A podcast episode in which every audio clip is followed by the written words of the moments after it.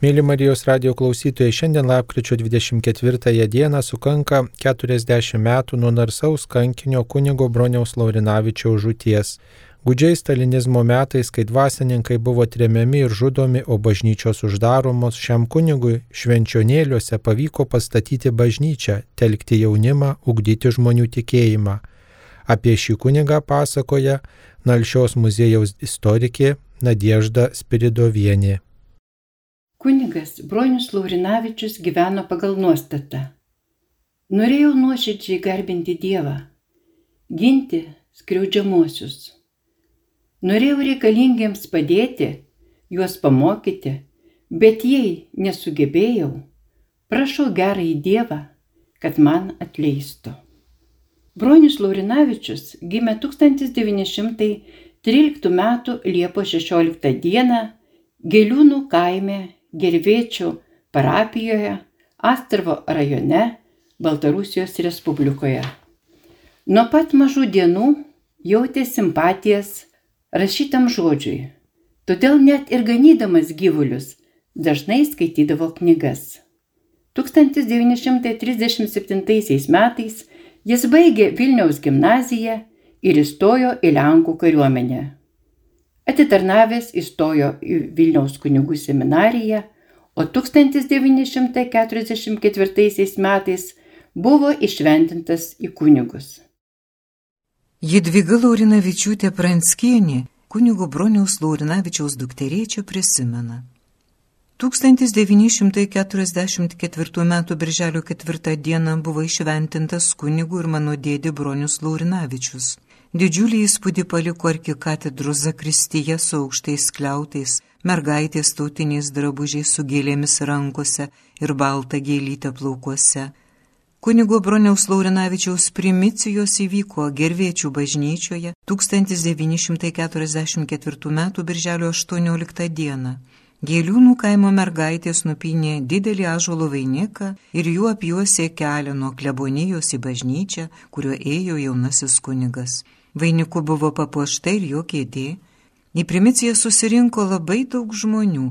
Bažnyčia, šventorius ir miestelis buvo pilni žmonių. Po šventųjų mišių primicijantas palaimino tėvelius, giminės, o visiems žmonėms dalyjo paveikslėlius ir laimino. Man buvo dviguba šventė. Ta diena aš priėmiau pirmąją šventąją komuniją. Ja gavau iš dėdės kunigo rankų. Šią progą man buvo pasiūta balta suknelė ir veliumas, o dėdė padovanojo juodą kryželį su baltom blizgančiom akutėm. Tai buvo laimingiausia diena mano gyvenime. Mano dėdė kunigas Bronius Laurinavičius man davė viską, kas brangiausia - tikėjimu, tikros krikščioniškos meilės suvokimą ir troškimą pagal ją gyventi. Ir davė ne žodžiais, o pavyzdžių, kurį aš regėjau daugel metų.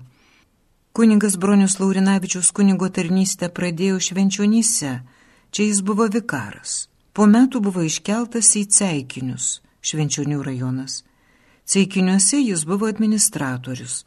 Bažnytėlė nedidelė, medinė. Tai sunkiais laikais pradėjo savo kunigišką veiklą, Bronius Laurinavičius iš abiejų bažnyčios šonų pristatė priestatus, nes nebuvo zakristijos padarė didelę komodą bažnytiniams rūbams sudėti, pastatė šventoriuje geležinius vartus.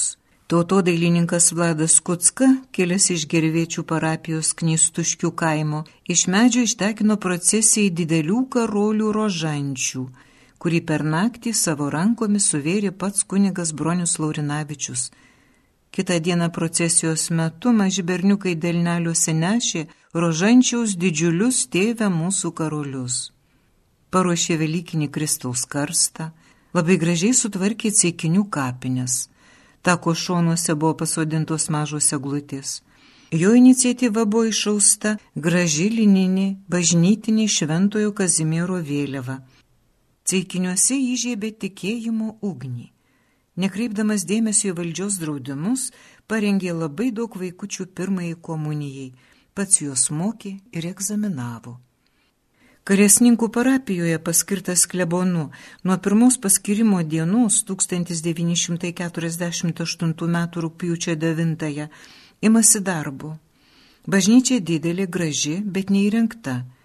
Nebuvo altoriaus, tik paveikslai ant sienų kabojo. Jis įvedė lietuviškas pamaldas, pastatė tris gražius altorius, didžiajame Marija škaplierinį, dešiniajame Kristus neša kryžių, kairiajame Marijos ėmimas į dangų. Atliko daug darbų. Bažnyčioje sudėjo naujas grindis, padarė suolus, klausyklą, sakyklą, naujas kryžiaus kelių stotis. Kalesninkose gyveno labai sunkiai. Kadangi valstybė buvo ateimusi iš bažnyčios klebonyje ir įsteigusi ten apylinkės būstinę, reikėjo pačiam ieškotis gyvenamosios vietos. Nuomojosi butelį su maža virtuvėlė, kur apsigyveno su tėveliais ir šeimininkė. Viename pereinamajame kambarėlyje, kuris buvo kartu valgomasis ir miegamasis, gyveno kunigas Bronius. Jis miegojo nedidelėje geležinėje lovoje su šiaudiniu čiužiniu. Šalia lovos valgomasis stalas – o prie sienos knygų lentynos užtiestos užuolaida. Per kunigo kambarį vaikščiojo tėveliai. Tėvelių kambaryje buvo dvi geležinės sulovos, taip pat su šiaudiniais čiužiniais, kampe lentynos su knygomis. Trečiame kambarėlėje gyveno šeimininkė Jevutė. Švenčionėliuose klebonas Bronius Laurinavičius pradėjo dirbti nuo 1956 rugsėjo 23 Čia randa nedidelę medinę Šventojo Edvardo bažnytėlę. Sumano statyti naują švenčiausiosios mergelės Marijos opulingosios bažnyčią. Kunigas nuėjo ilgą kryžiaus kelią, kol gavo leidimą naujos bažnyčios statybai. Gavęs leidimą per pamokslą paskelbė parapiečiams, jog altoriaus pastatymui reikia akmenų.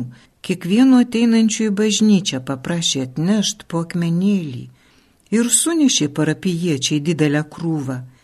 Akmenys nešė ir suaugę, ir vaikučiai savo krepšeliuose, kad ir po mažą akmenėlį.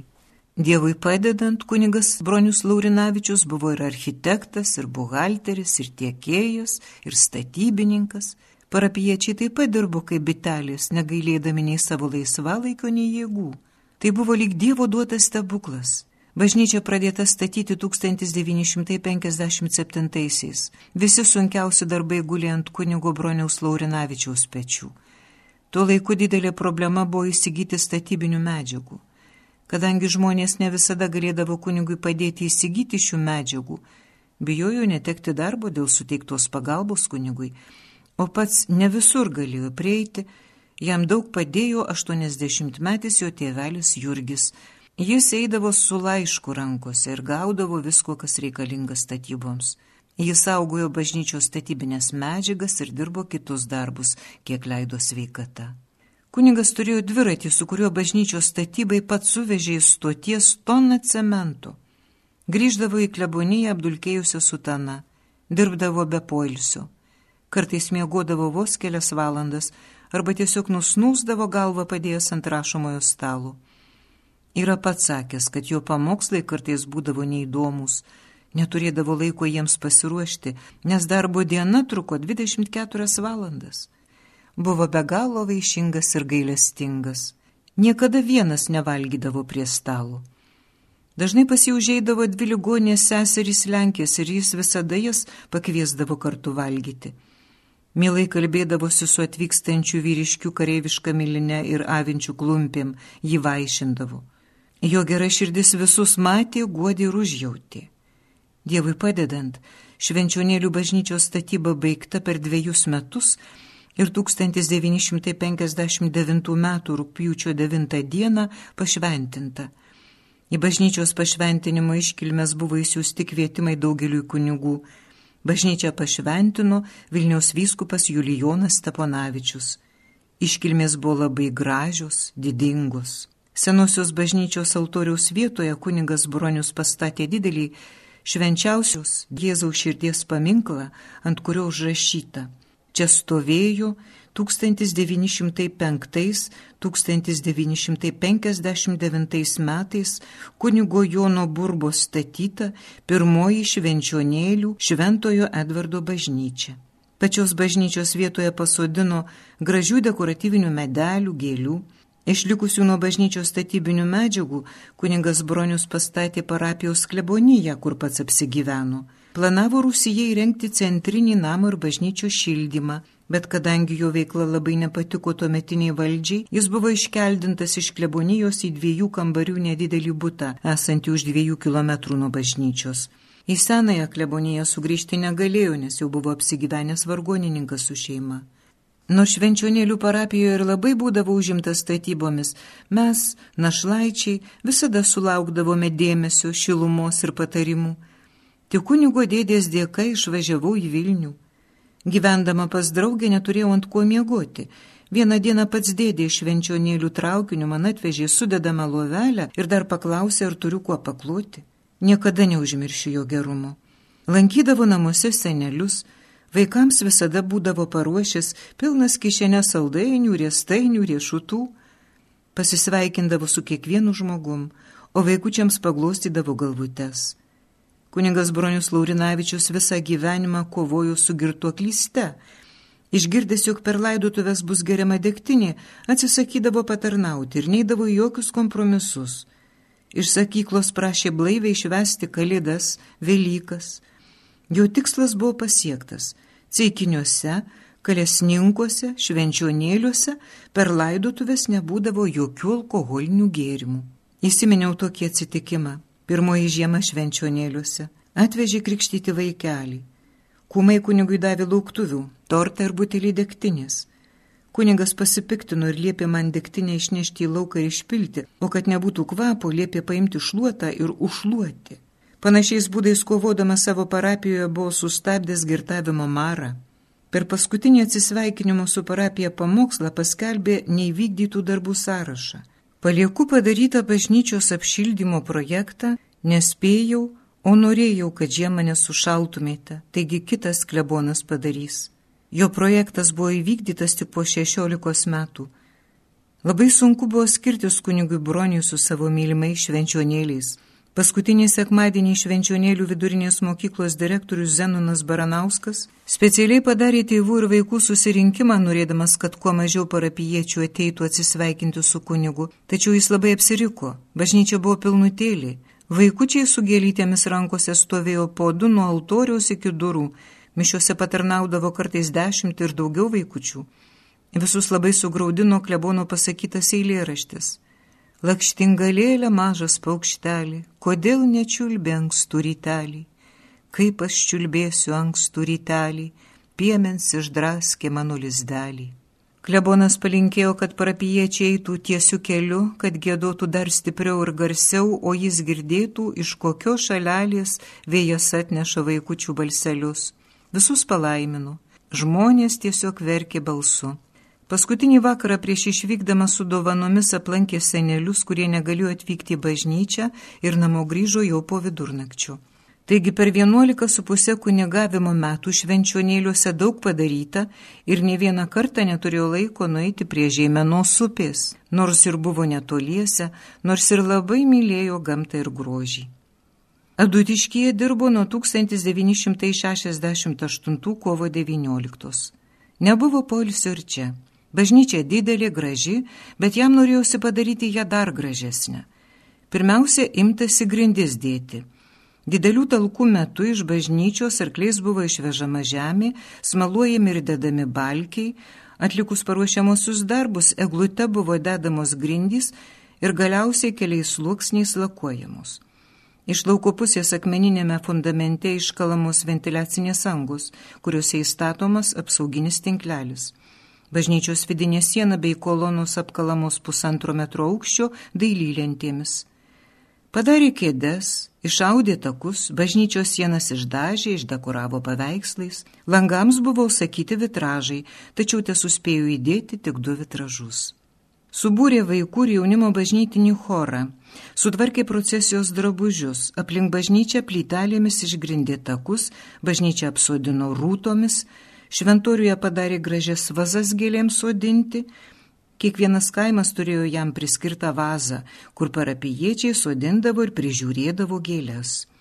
Šventoriuje pastatė didelį gražų akmeninį paminklą bažnyčios statytojui, kunigui Benediktui Krištaponiui. Kunigas nuolat rūpinosi atvykstančiais iš tolimesnių kaimų ir Baltarusijos.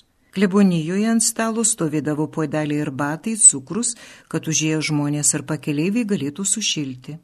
Kuningas Bronius Laurinavičius kaip galėdamas rūpinosi visais kad tikintieji žiemą nesušaltų bažnyčioje, pats pakaitomis su sesute ir šeimininkė naktimis kūrendavo katilinę. Pas artimesnių kaimų ligonius vasarą važiuodavo dviračiu.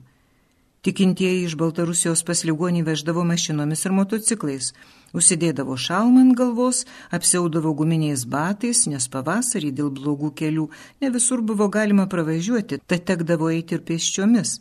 Rudenį ir žiemą nešiodavo aulinius batus su kaliošais, kuriuos kambaryje nusiaudavo. Visą adventų ir gavėnios laikotarpį, išskyrus sekmadienį, nevalgė mėsiško, visai nevalgė saldumynų. Per visą savo gyvenimą kunigas Bronius Laurinavičius buvo saugumo akiratyje, todėl daug ką buvo įslapstęs. Rankšluostį su Lietuvos himnu pas Bronytę, maldaknygės ir katekizmus pas Ciprutę, o visus raštus paslėpęs pas Rufiną Kritskienę, bičiovilyje. Kunigas rėmė tremtinius ir politinius kalinius, siuntė į lagerius siuntinius, moraliai ir materialiai rėmė lageryje kunigą Kazimierą Vasiliauską, kunigą Vladą Gimžauską, kunigą Antaną Dylį, Romualdą Ragaišį, Antaną Terlecką ir daugelį kitų. Rūpinosi ir gudijos lietuviais Gėliūnų ir kitus aplinkinius kaimus aprūpindavo lietuviškomis maldaknygėmis, katekizmais ir laidotuvių giesmynais. Važiuodami į Maskvą dėl bažnyčios, gervietiškiai užsukdavo pas kunigą pasitarti.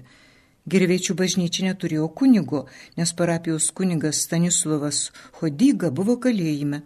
Iškentėjęs kalėjimą, būdamas silpnos veikatus ir garbaus amžiaus, sugrįžęs į gerviečius jis mirė. Į gerviečius buvo paskirtas kunigas Lenkas, nemokantis lietuvių kalbos. Parapiečiai tuo buvo nepatenkinti. Surinkę daug parašų, delegatai atvyko pas kunigą Bronių Laurinavičių gauti patarimų pamokymų. Per visą naktį rašė prašymą į Maskvą, kad į gerviečius būtų paskirtas kunigas mokantis lietuvių kalbą. Šį prašymą su visais parašais nuvežė Julija Karmazienė iš Pelegrindos kaimo. Kuningas Bronius Laurinavičius 1980 metais dalyvavo savo tėtos Emilijos laidotuvėse tėviškėje Gėliūnų kaime. Po laidotuvių nutarėme aplankyti gerviečių internatinę mokyklą, kur mokėsi daug lietuvių vaikų. Ta žiema buvo labai šalta ir snieginga. Kuningas išlipęs iš mašinos pasikėlė sutaną brido per sniegą į mokyklą. Tai pamatė per langus, mokyklos mokytojai nepasirodė. Tik mokyklos valytojo sutiko jį, sukvietė lietuvius vaikus ir jis juos pavaišino. Buvo labai laimingas, kad jis pirmasis kunigas peržengęs mokyklos lengsti. Išeidamas visus palaimino. Nuolat rūpinosi, kad Baltarusijos lietuvių salose vaikai būtų mokomi lietuvių kalba. Kunigas Bronius Laurinavičius visada apmokėdavo atvažiavusiųjų kelionės išlaidas, būtinai pavaišindavo arbata. Labai džiaugdavosi atvykusiais svečiais, išlydėdamas skindavo gėlės ir mesdavo ant mašinos. Didelė šventė dutiškie buvo škaplėrinės atlaidai. Dažnai talka virtuvėje šeimininkė talkinti pakviesdavo mane ir kitas dukteriečias. Rūpinosi visų mūsų sveikata. Kai įsijungė į Helsinkio grupę, atvažiavo jie dutiški per škaplėrinės aplaidus du pilni autobusai jaunimo vaikų ir pagyvenusių žmonių su gėlėmis sveikinti kunigu. Kunigas, ką turėjo, tą sunešė ant stalo. Visi vaišinosi išnekučiavusi, pasivaišinę pagėdojo, vaikučiai gražių eilėraščių padeklamavo.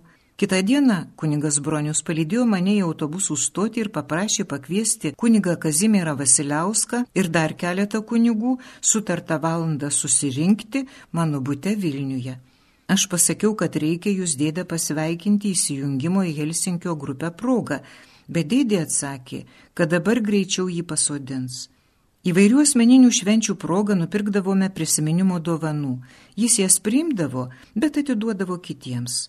Kad būtų šilčiau, nupirkome kilimą, patiesėme kambaryje ant grindų, bet jis norėjo iš karto jį nešti į bažnyčią. Tik po žūties kilimas buvo patiestas ir paliktas bažnyčioje, taip išpildytas jo noras. Per 38 kunigystės metus niekarto netostogavo, tam neturėjo laiko. Netgi prie Baltijos jūros mūsų tėvinės puošmenos te buvo nuvažiavęs vienai dienai, norėdamas ją tik pamatyti. Kunigas Bronius Laurinavičius labai sielojosi dėl nekaltai ištremtų viskupų Julijono Steponavičiaus ir Vincentos Latkevičiaus, dėl jų rašė pareiškimus, rūpinosi ir kitais kunigais reikalavo išleisti įkalintus kunigus Juozas Debski ir Prospera Bubnį. Atsakymo negavo. Kai kuningas Bronius Laurinavičius tapo Helsinkio grupės nariu, priklaupęs prie altoriaus ištarė. Prisiekiu kūdikėliui Jėzui, tikrajam Dievui, Lietuvai tėviniai ir jums, kad pavestųjų tikinčiųjų teisės ginsiu, kol plaks mano krūtiniai širdis. Išliko jo rašyti žodžiai. Pareiškiu, kaip visą savo gyvenimo praeitį pašvenčiau Dievo ir bažnyčios garbiai, taip pat tėvinės ir artimo geroviai, taip aukoju, skiriu ir jo likutį. Kuningas Bronius Laurinavičius, Adutiškis, 1979 kovo 12.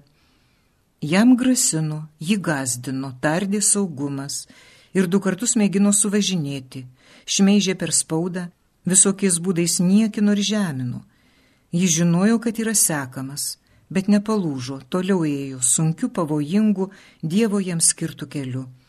Gerumu ir pasiaukojimu tiesa ėjo prieš blogį ir melą ir nebijojo mirties.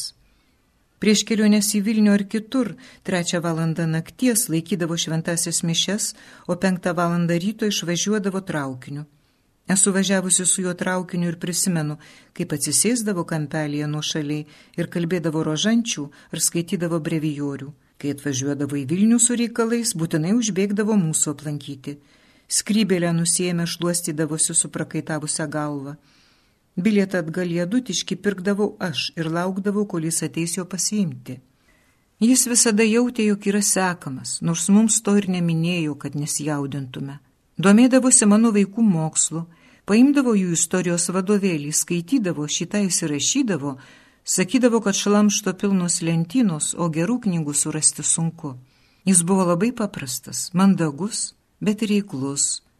Pasibaigus mokslo metams dėdė prašydavo, kad leiščiau savo vaikus, Algirdą ir Jūraitę patostogauti į Adutiškį.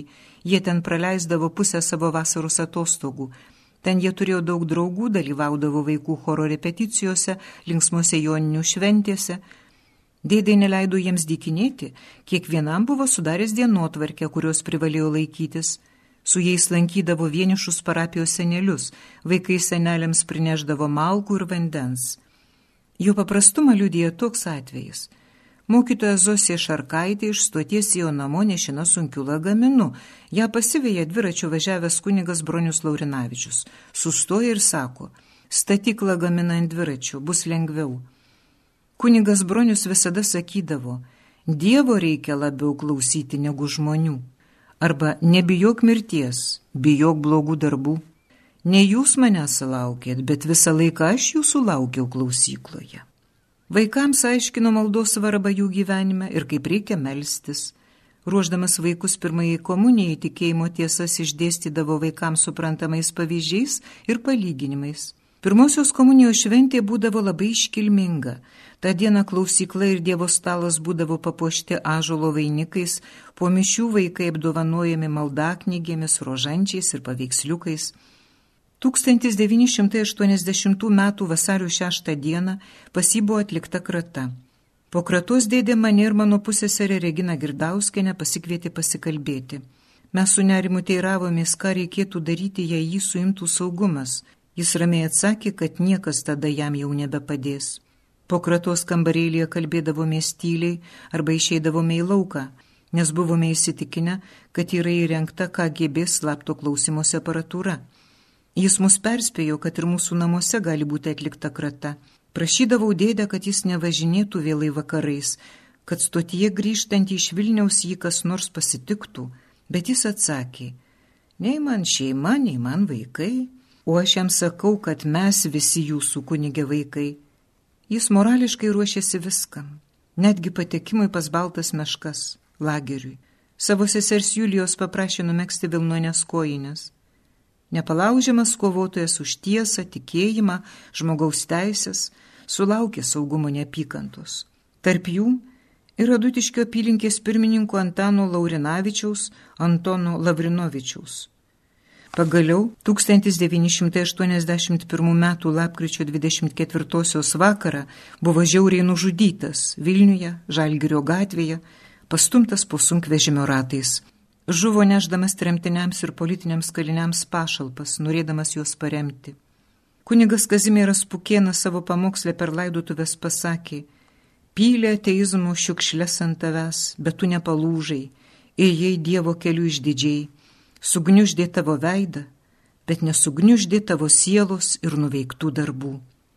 Po žūties kitą dieną per Lietuvą prasiautė viesulas, snigo, griuvo medžiai. Tada kunigas iš Vilniaus buvo vežamas į Adutiškį. Laidotuvėse dalyvavo daug žmonių, bet daug buvo ir saugumo šnipų. Atsisveikinti su Velioniu atvyko Vilniaus arkivyskupas Julijonas Steponavičius ir vyskupas Vincentas Latkevičius – Pagal KGB nurodymą tuometinė valdžia neleido vėlionio laidoti švenčionėliuose. Po septyniarių metų buvo įvykdytas paskutinis jo noras - būti palaidotam prie švenčionėlių bažnyčios. Jam atminti parapiečiai pastatė labai gražų paminklą - profesoriaus Antano Kmeliausko skulptūrą Kristus prieš pilotą.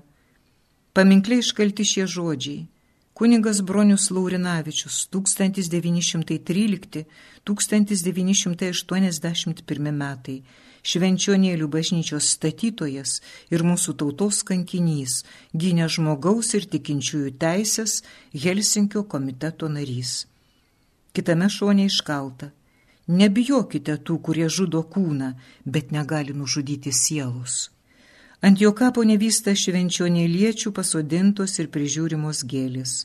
Pagarba ir padėka toms moterims, kuriuom šventas jo atminimas, kurios nuolat prižiūri jo kapą.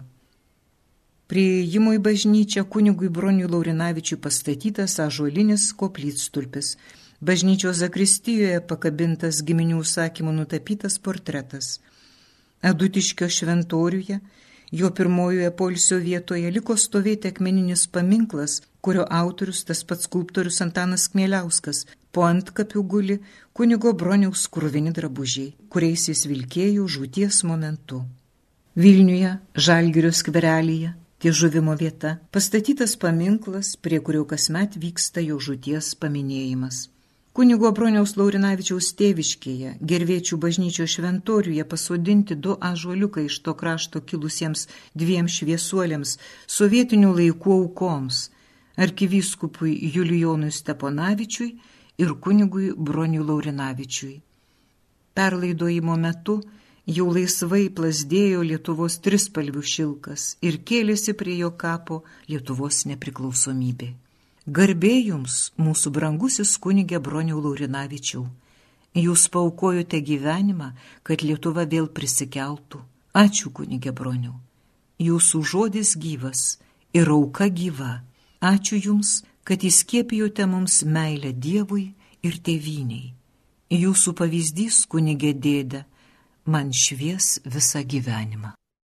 Kunigo Broniaus Laurinavičiaus sesers Jadvygos Laurinavičiūtės prisiminimus perskaitė Marijos radijos savanorė Violeta Mitskevičiūtė. O dabar pasiklausykime, kaip kunigo žuties aplinkybės prisimena tikybos mokytoja Ritonė Šalkauskenė. Kuniga Bronių Laurinavičių asmeniškai aš nepažinojau, bet apie jį turėjau susidariusi nuomonę iš tam tikrų išpolių tarybiniai spaudoj, o tikrasis, aš manau, man jo paveikslas susidėlioja iš katalikų bažnyčios kronikos, kur buvo aiškiai apie jį kalbama, kad tai buvo drasus, energingas, užsidegęs tikrąją meilę Dievui ir bažnyčiai, turėjęs didelę charizmą, nes kur jis bebūdavęs, visur prie jo altoriaus būdavę jaunimo, būdavę daug. Tai mane labai žavėjo, nes aš ir pati dirbau pedagoginį darbą. Tai va tas jo toks teorinis paveikslas mane veikė. Ir man jis buvo žavus.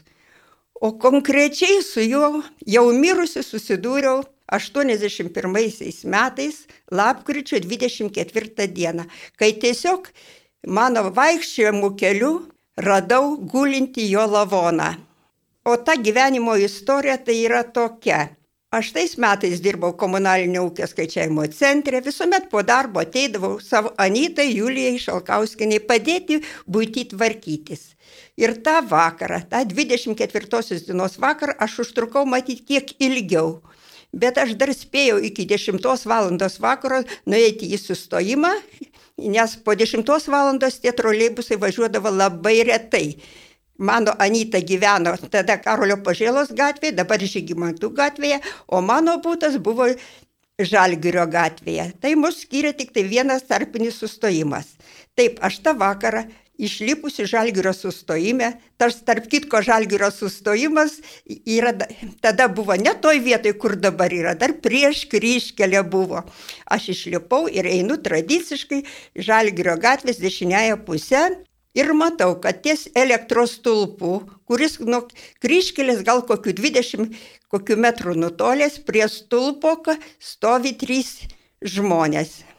O prie stulpo kažkas neaišku. Aš prieinu, kaip visada, aš tada nesilaikiau taisyklių, būdavo ties stulpu, visada įstrižai kertu žalgerio gatvę ir, ir einu į savo namą. Ir dabar toje vietoje prieinu ir matau, guli kniupščia žmogus tvarkingai apsirengęs, viskas tvarkingai, jokio įsidrairkimo. Aišku, tų metų gatvės apšvietimas būdavo orientuotas į gatvės važiuojamąją dalį. Tai ryškiausiai aš matau jo apšviestas kojas, o galva, kuri atsirėmusi į šalygatvio bordiūrą, yra jau kaip ma mažiau matoma, šešėlyje. Aš sustoju, dabar keistai galvoju, vėl aš atsiduriu kažkokio liudininko vietoj. Žmogus miręs mano supratimu, bet nėra nei greitosios, nei žmonių ir kodėl čia tokia vienatvė keista. Bandau įsižiūrėti, galvoju, gal aš atpažinsiu, iešku su savo visus pažįstamų žmonės, bandau sutapatinti, gal ką nors atrasiu, bet niekas man netinka. Matau jo aišku apsirengimą, vasariniai batai tokie tamsus, kelnės pilkos, paltas tamsus, viena ranka atmesta į šoną, kita po paltos skvernu, Taip galvoju, dėl visko reikia įsidėmėti jo tą išvaizdą. Ir taip. Nu, paskui, manau, ką, žmogus tikriausiai miręs, reikia, reikia melstis. Aš pradedu melstis. Bet tada tie vyrai, kurie už stulpo stovėjo, jie gal už kokių trijų metrų, jau už, už šaly gatvė, toj, toj žalioje juostui, girdžiu kažko susipyko, pradėjo bartis, rusiškai baras ir keikėsi. Man tada siaubas apimė, ar jie čia ne, nepradės kesintis į mane. Aš taip susimėčiau ir bandau, grįšiu į kryškelį, gal praeisiu taip, kaip reikia kryškelį ir nueisiu namus. Einu, bet mano tas vidinis balsas manęs neleidžia. Nu, kad sustok, kažkaip atpažink, negalima palikti mirusio žmogaus e, tokioj situacijai. Nu ir aš paklausiau to savo vidinio balso, jau grįžau ir vėl atgal stoviu ties jo galvą ties jo galvą ir vėl mastau, bandau melstis. Bet šitaip man besiblaškant, va tokioj situacijai, pasimetimo situacijai, matau, privažiuoja Viliukas. Jas, Viliukas irgi atsisuka į šitą šalygatvį, kur, kur guli žmogus, sustoja, iš Viliuko išlipa du žmonės jauni, iš jo ištraukia brezentinį, brezentinį neštuvą ir atneša ir pastato šalia šito lavono. Aš jau susidomėjau, žiūriu, gal aš pamatysiu e, daugiau ir jie prieina. Vienas iš jų tau čiupo gulinti už pečių, kitas už kojų ir ant, ant neštuvų atvertė. Aš susidomėjusi žiūriu, žiūriu, gal tą veidą pamatysiu.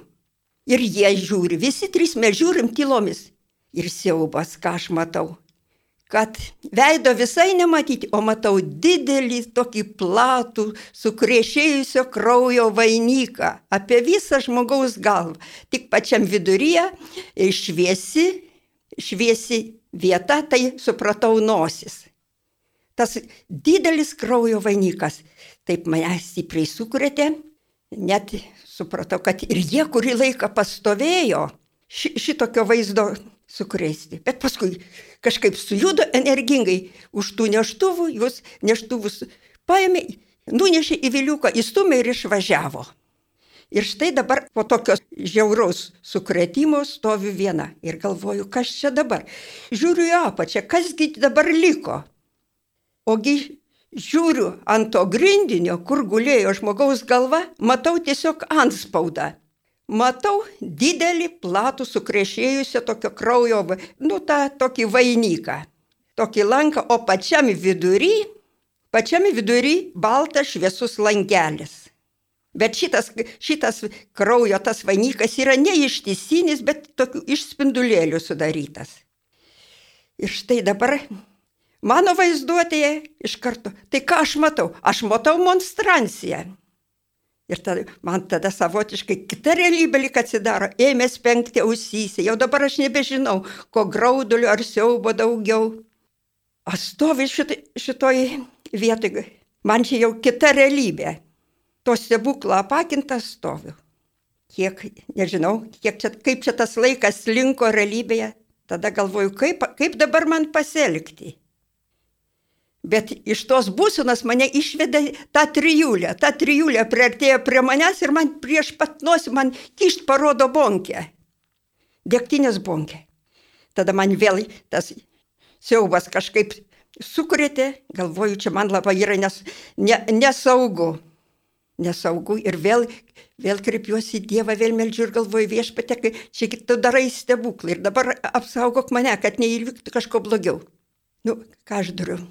Tada tai bandau, kad aš turiu palikti šitą vietą. Gerai susikaupiau ir kaip tik tai tuo tarpeliu, kur tarp monstrancijos ir stulpo dar lik, likęs tarpas, pro kurį aš visada eidavau, žengiau porą žingsnių nuo šalygatvio į gatvę. Ir tada bėgte pasileidau į savo namus. O mano namai buvo kitoje gatvės pusėje, Žalgirio 99.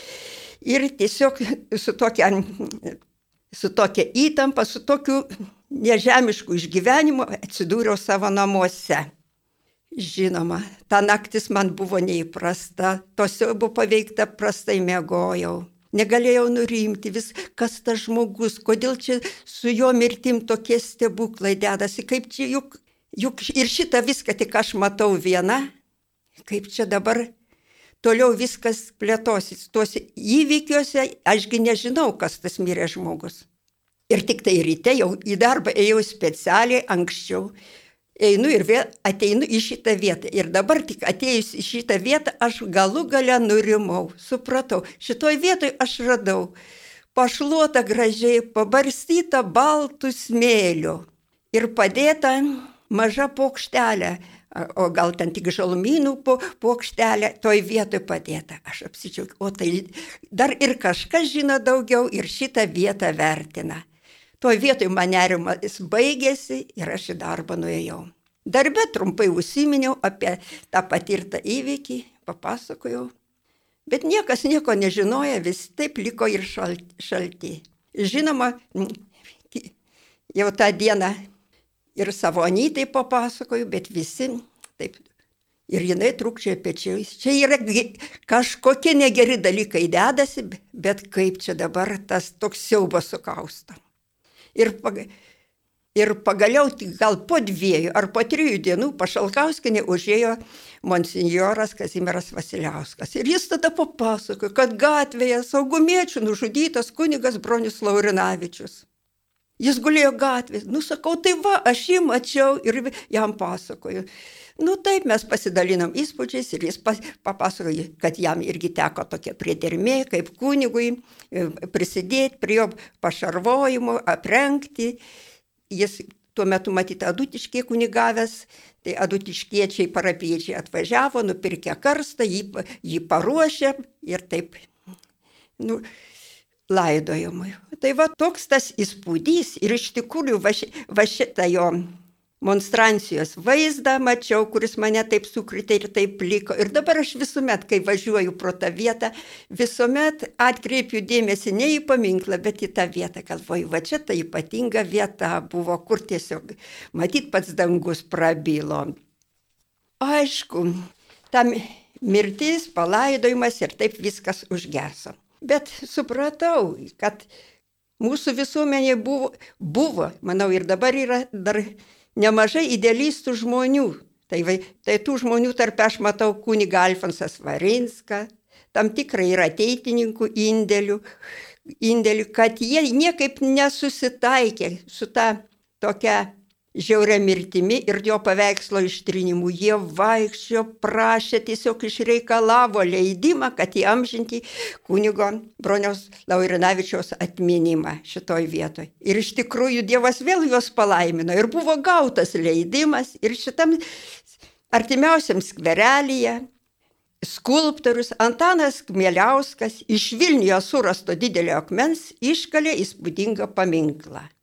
Ir va taip, 2010 metais šitam skverelėje atsirado skulptorius Antano Kmeliausko sukurta skulptūra Kristus nešantis kryžių. O, o šitas didžiadvasiškasis skulptorius vietoj Kristaus veido jis įamžino amžinatelsių kunigo Broniaus Laurinavičiaus veidą. Tai va taip ir, aišku, tas jau Pašventinimo paminklas vyko iškilmingai, daug žmonių dalyvavo, paminklą pašventino viskupas Juozas Tunaitis, žmonių buvo daug, buvo džiugu. Tai buvo taip tiesiog, kad to idealisto kunigo atmintis neliko, neliko užmarštyje. O ir skulptorius Antanas Kmiliauskas man paliko be galo šviesų įspūdį. Atsimenu, kartą mes su Juliumi jį pakalbinom Tai jis taip džiaugiasi, sako, tiesiog buvo Dievo dovana padaryti jam paminklą. Sakė, jis turėjęs liktai dar pa, didingesnį paminklą norės, bet sako, akmuo nebeleido, nebegalėjęs didesnį padaryti.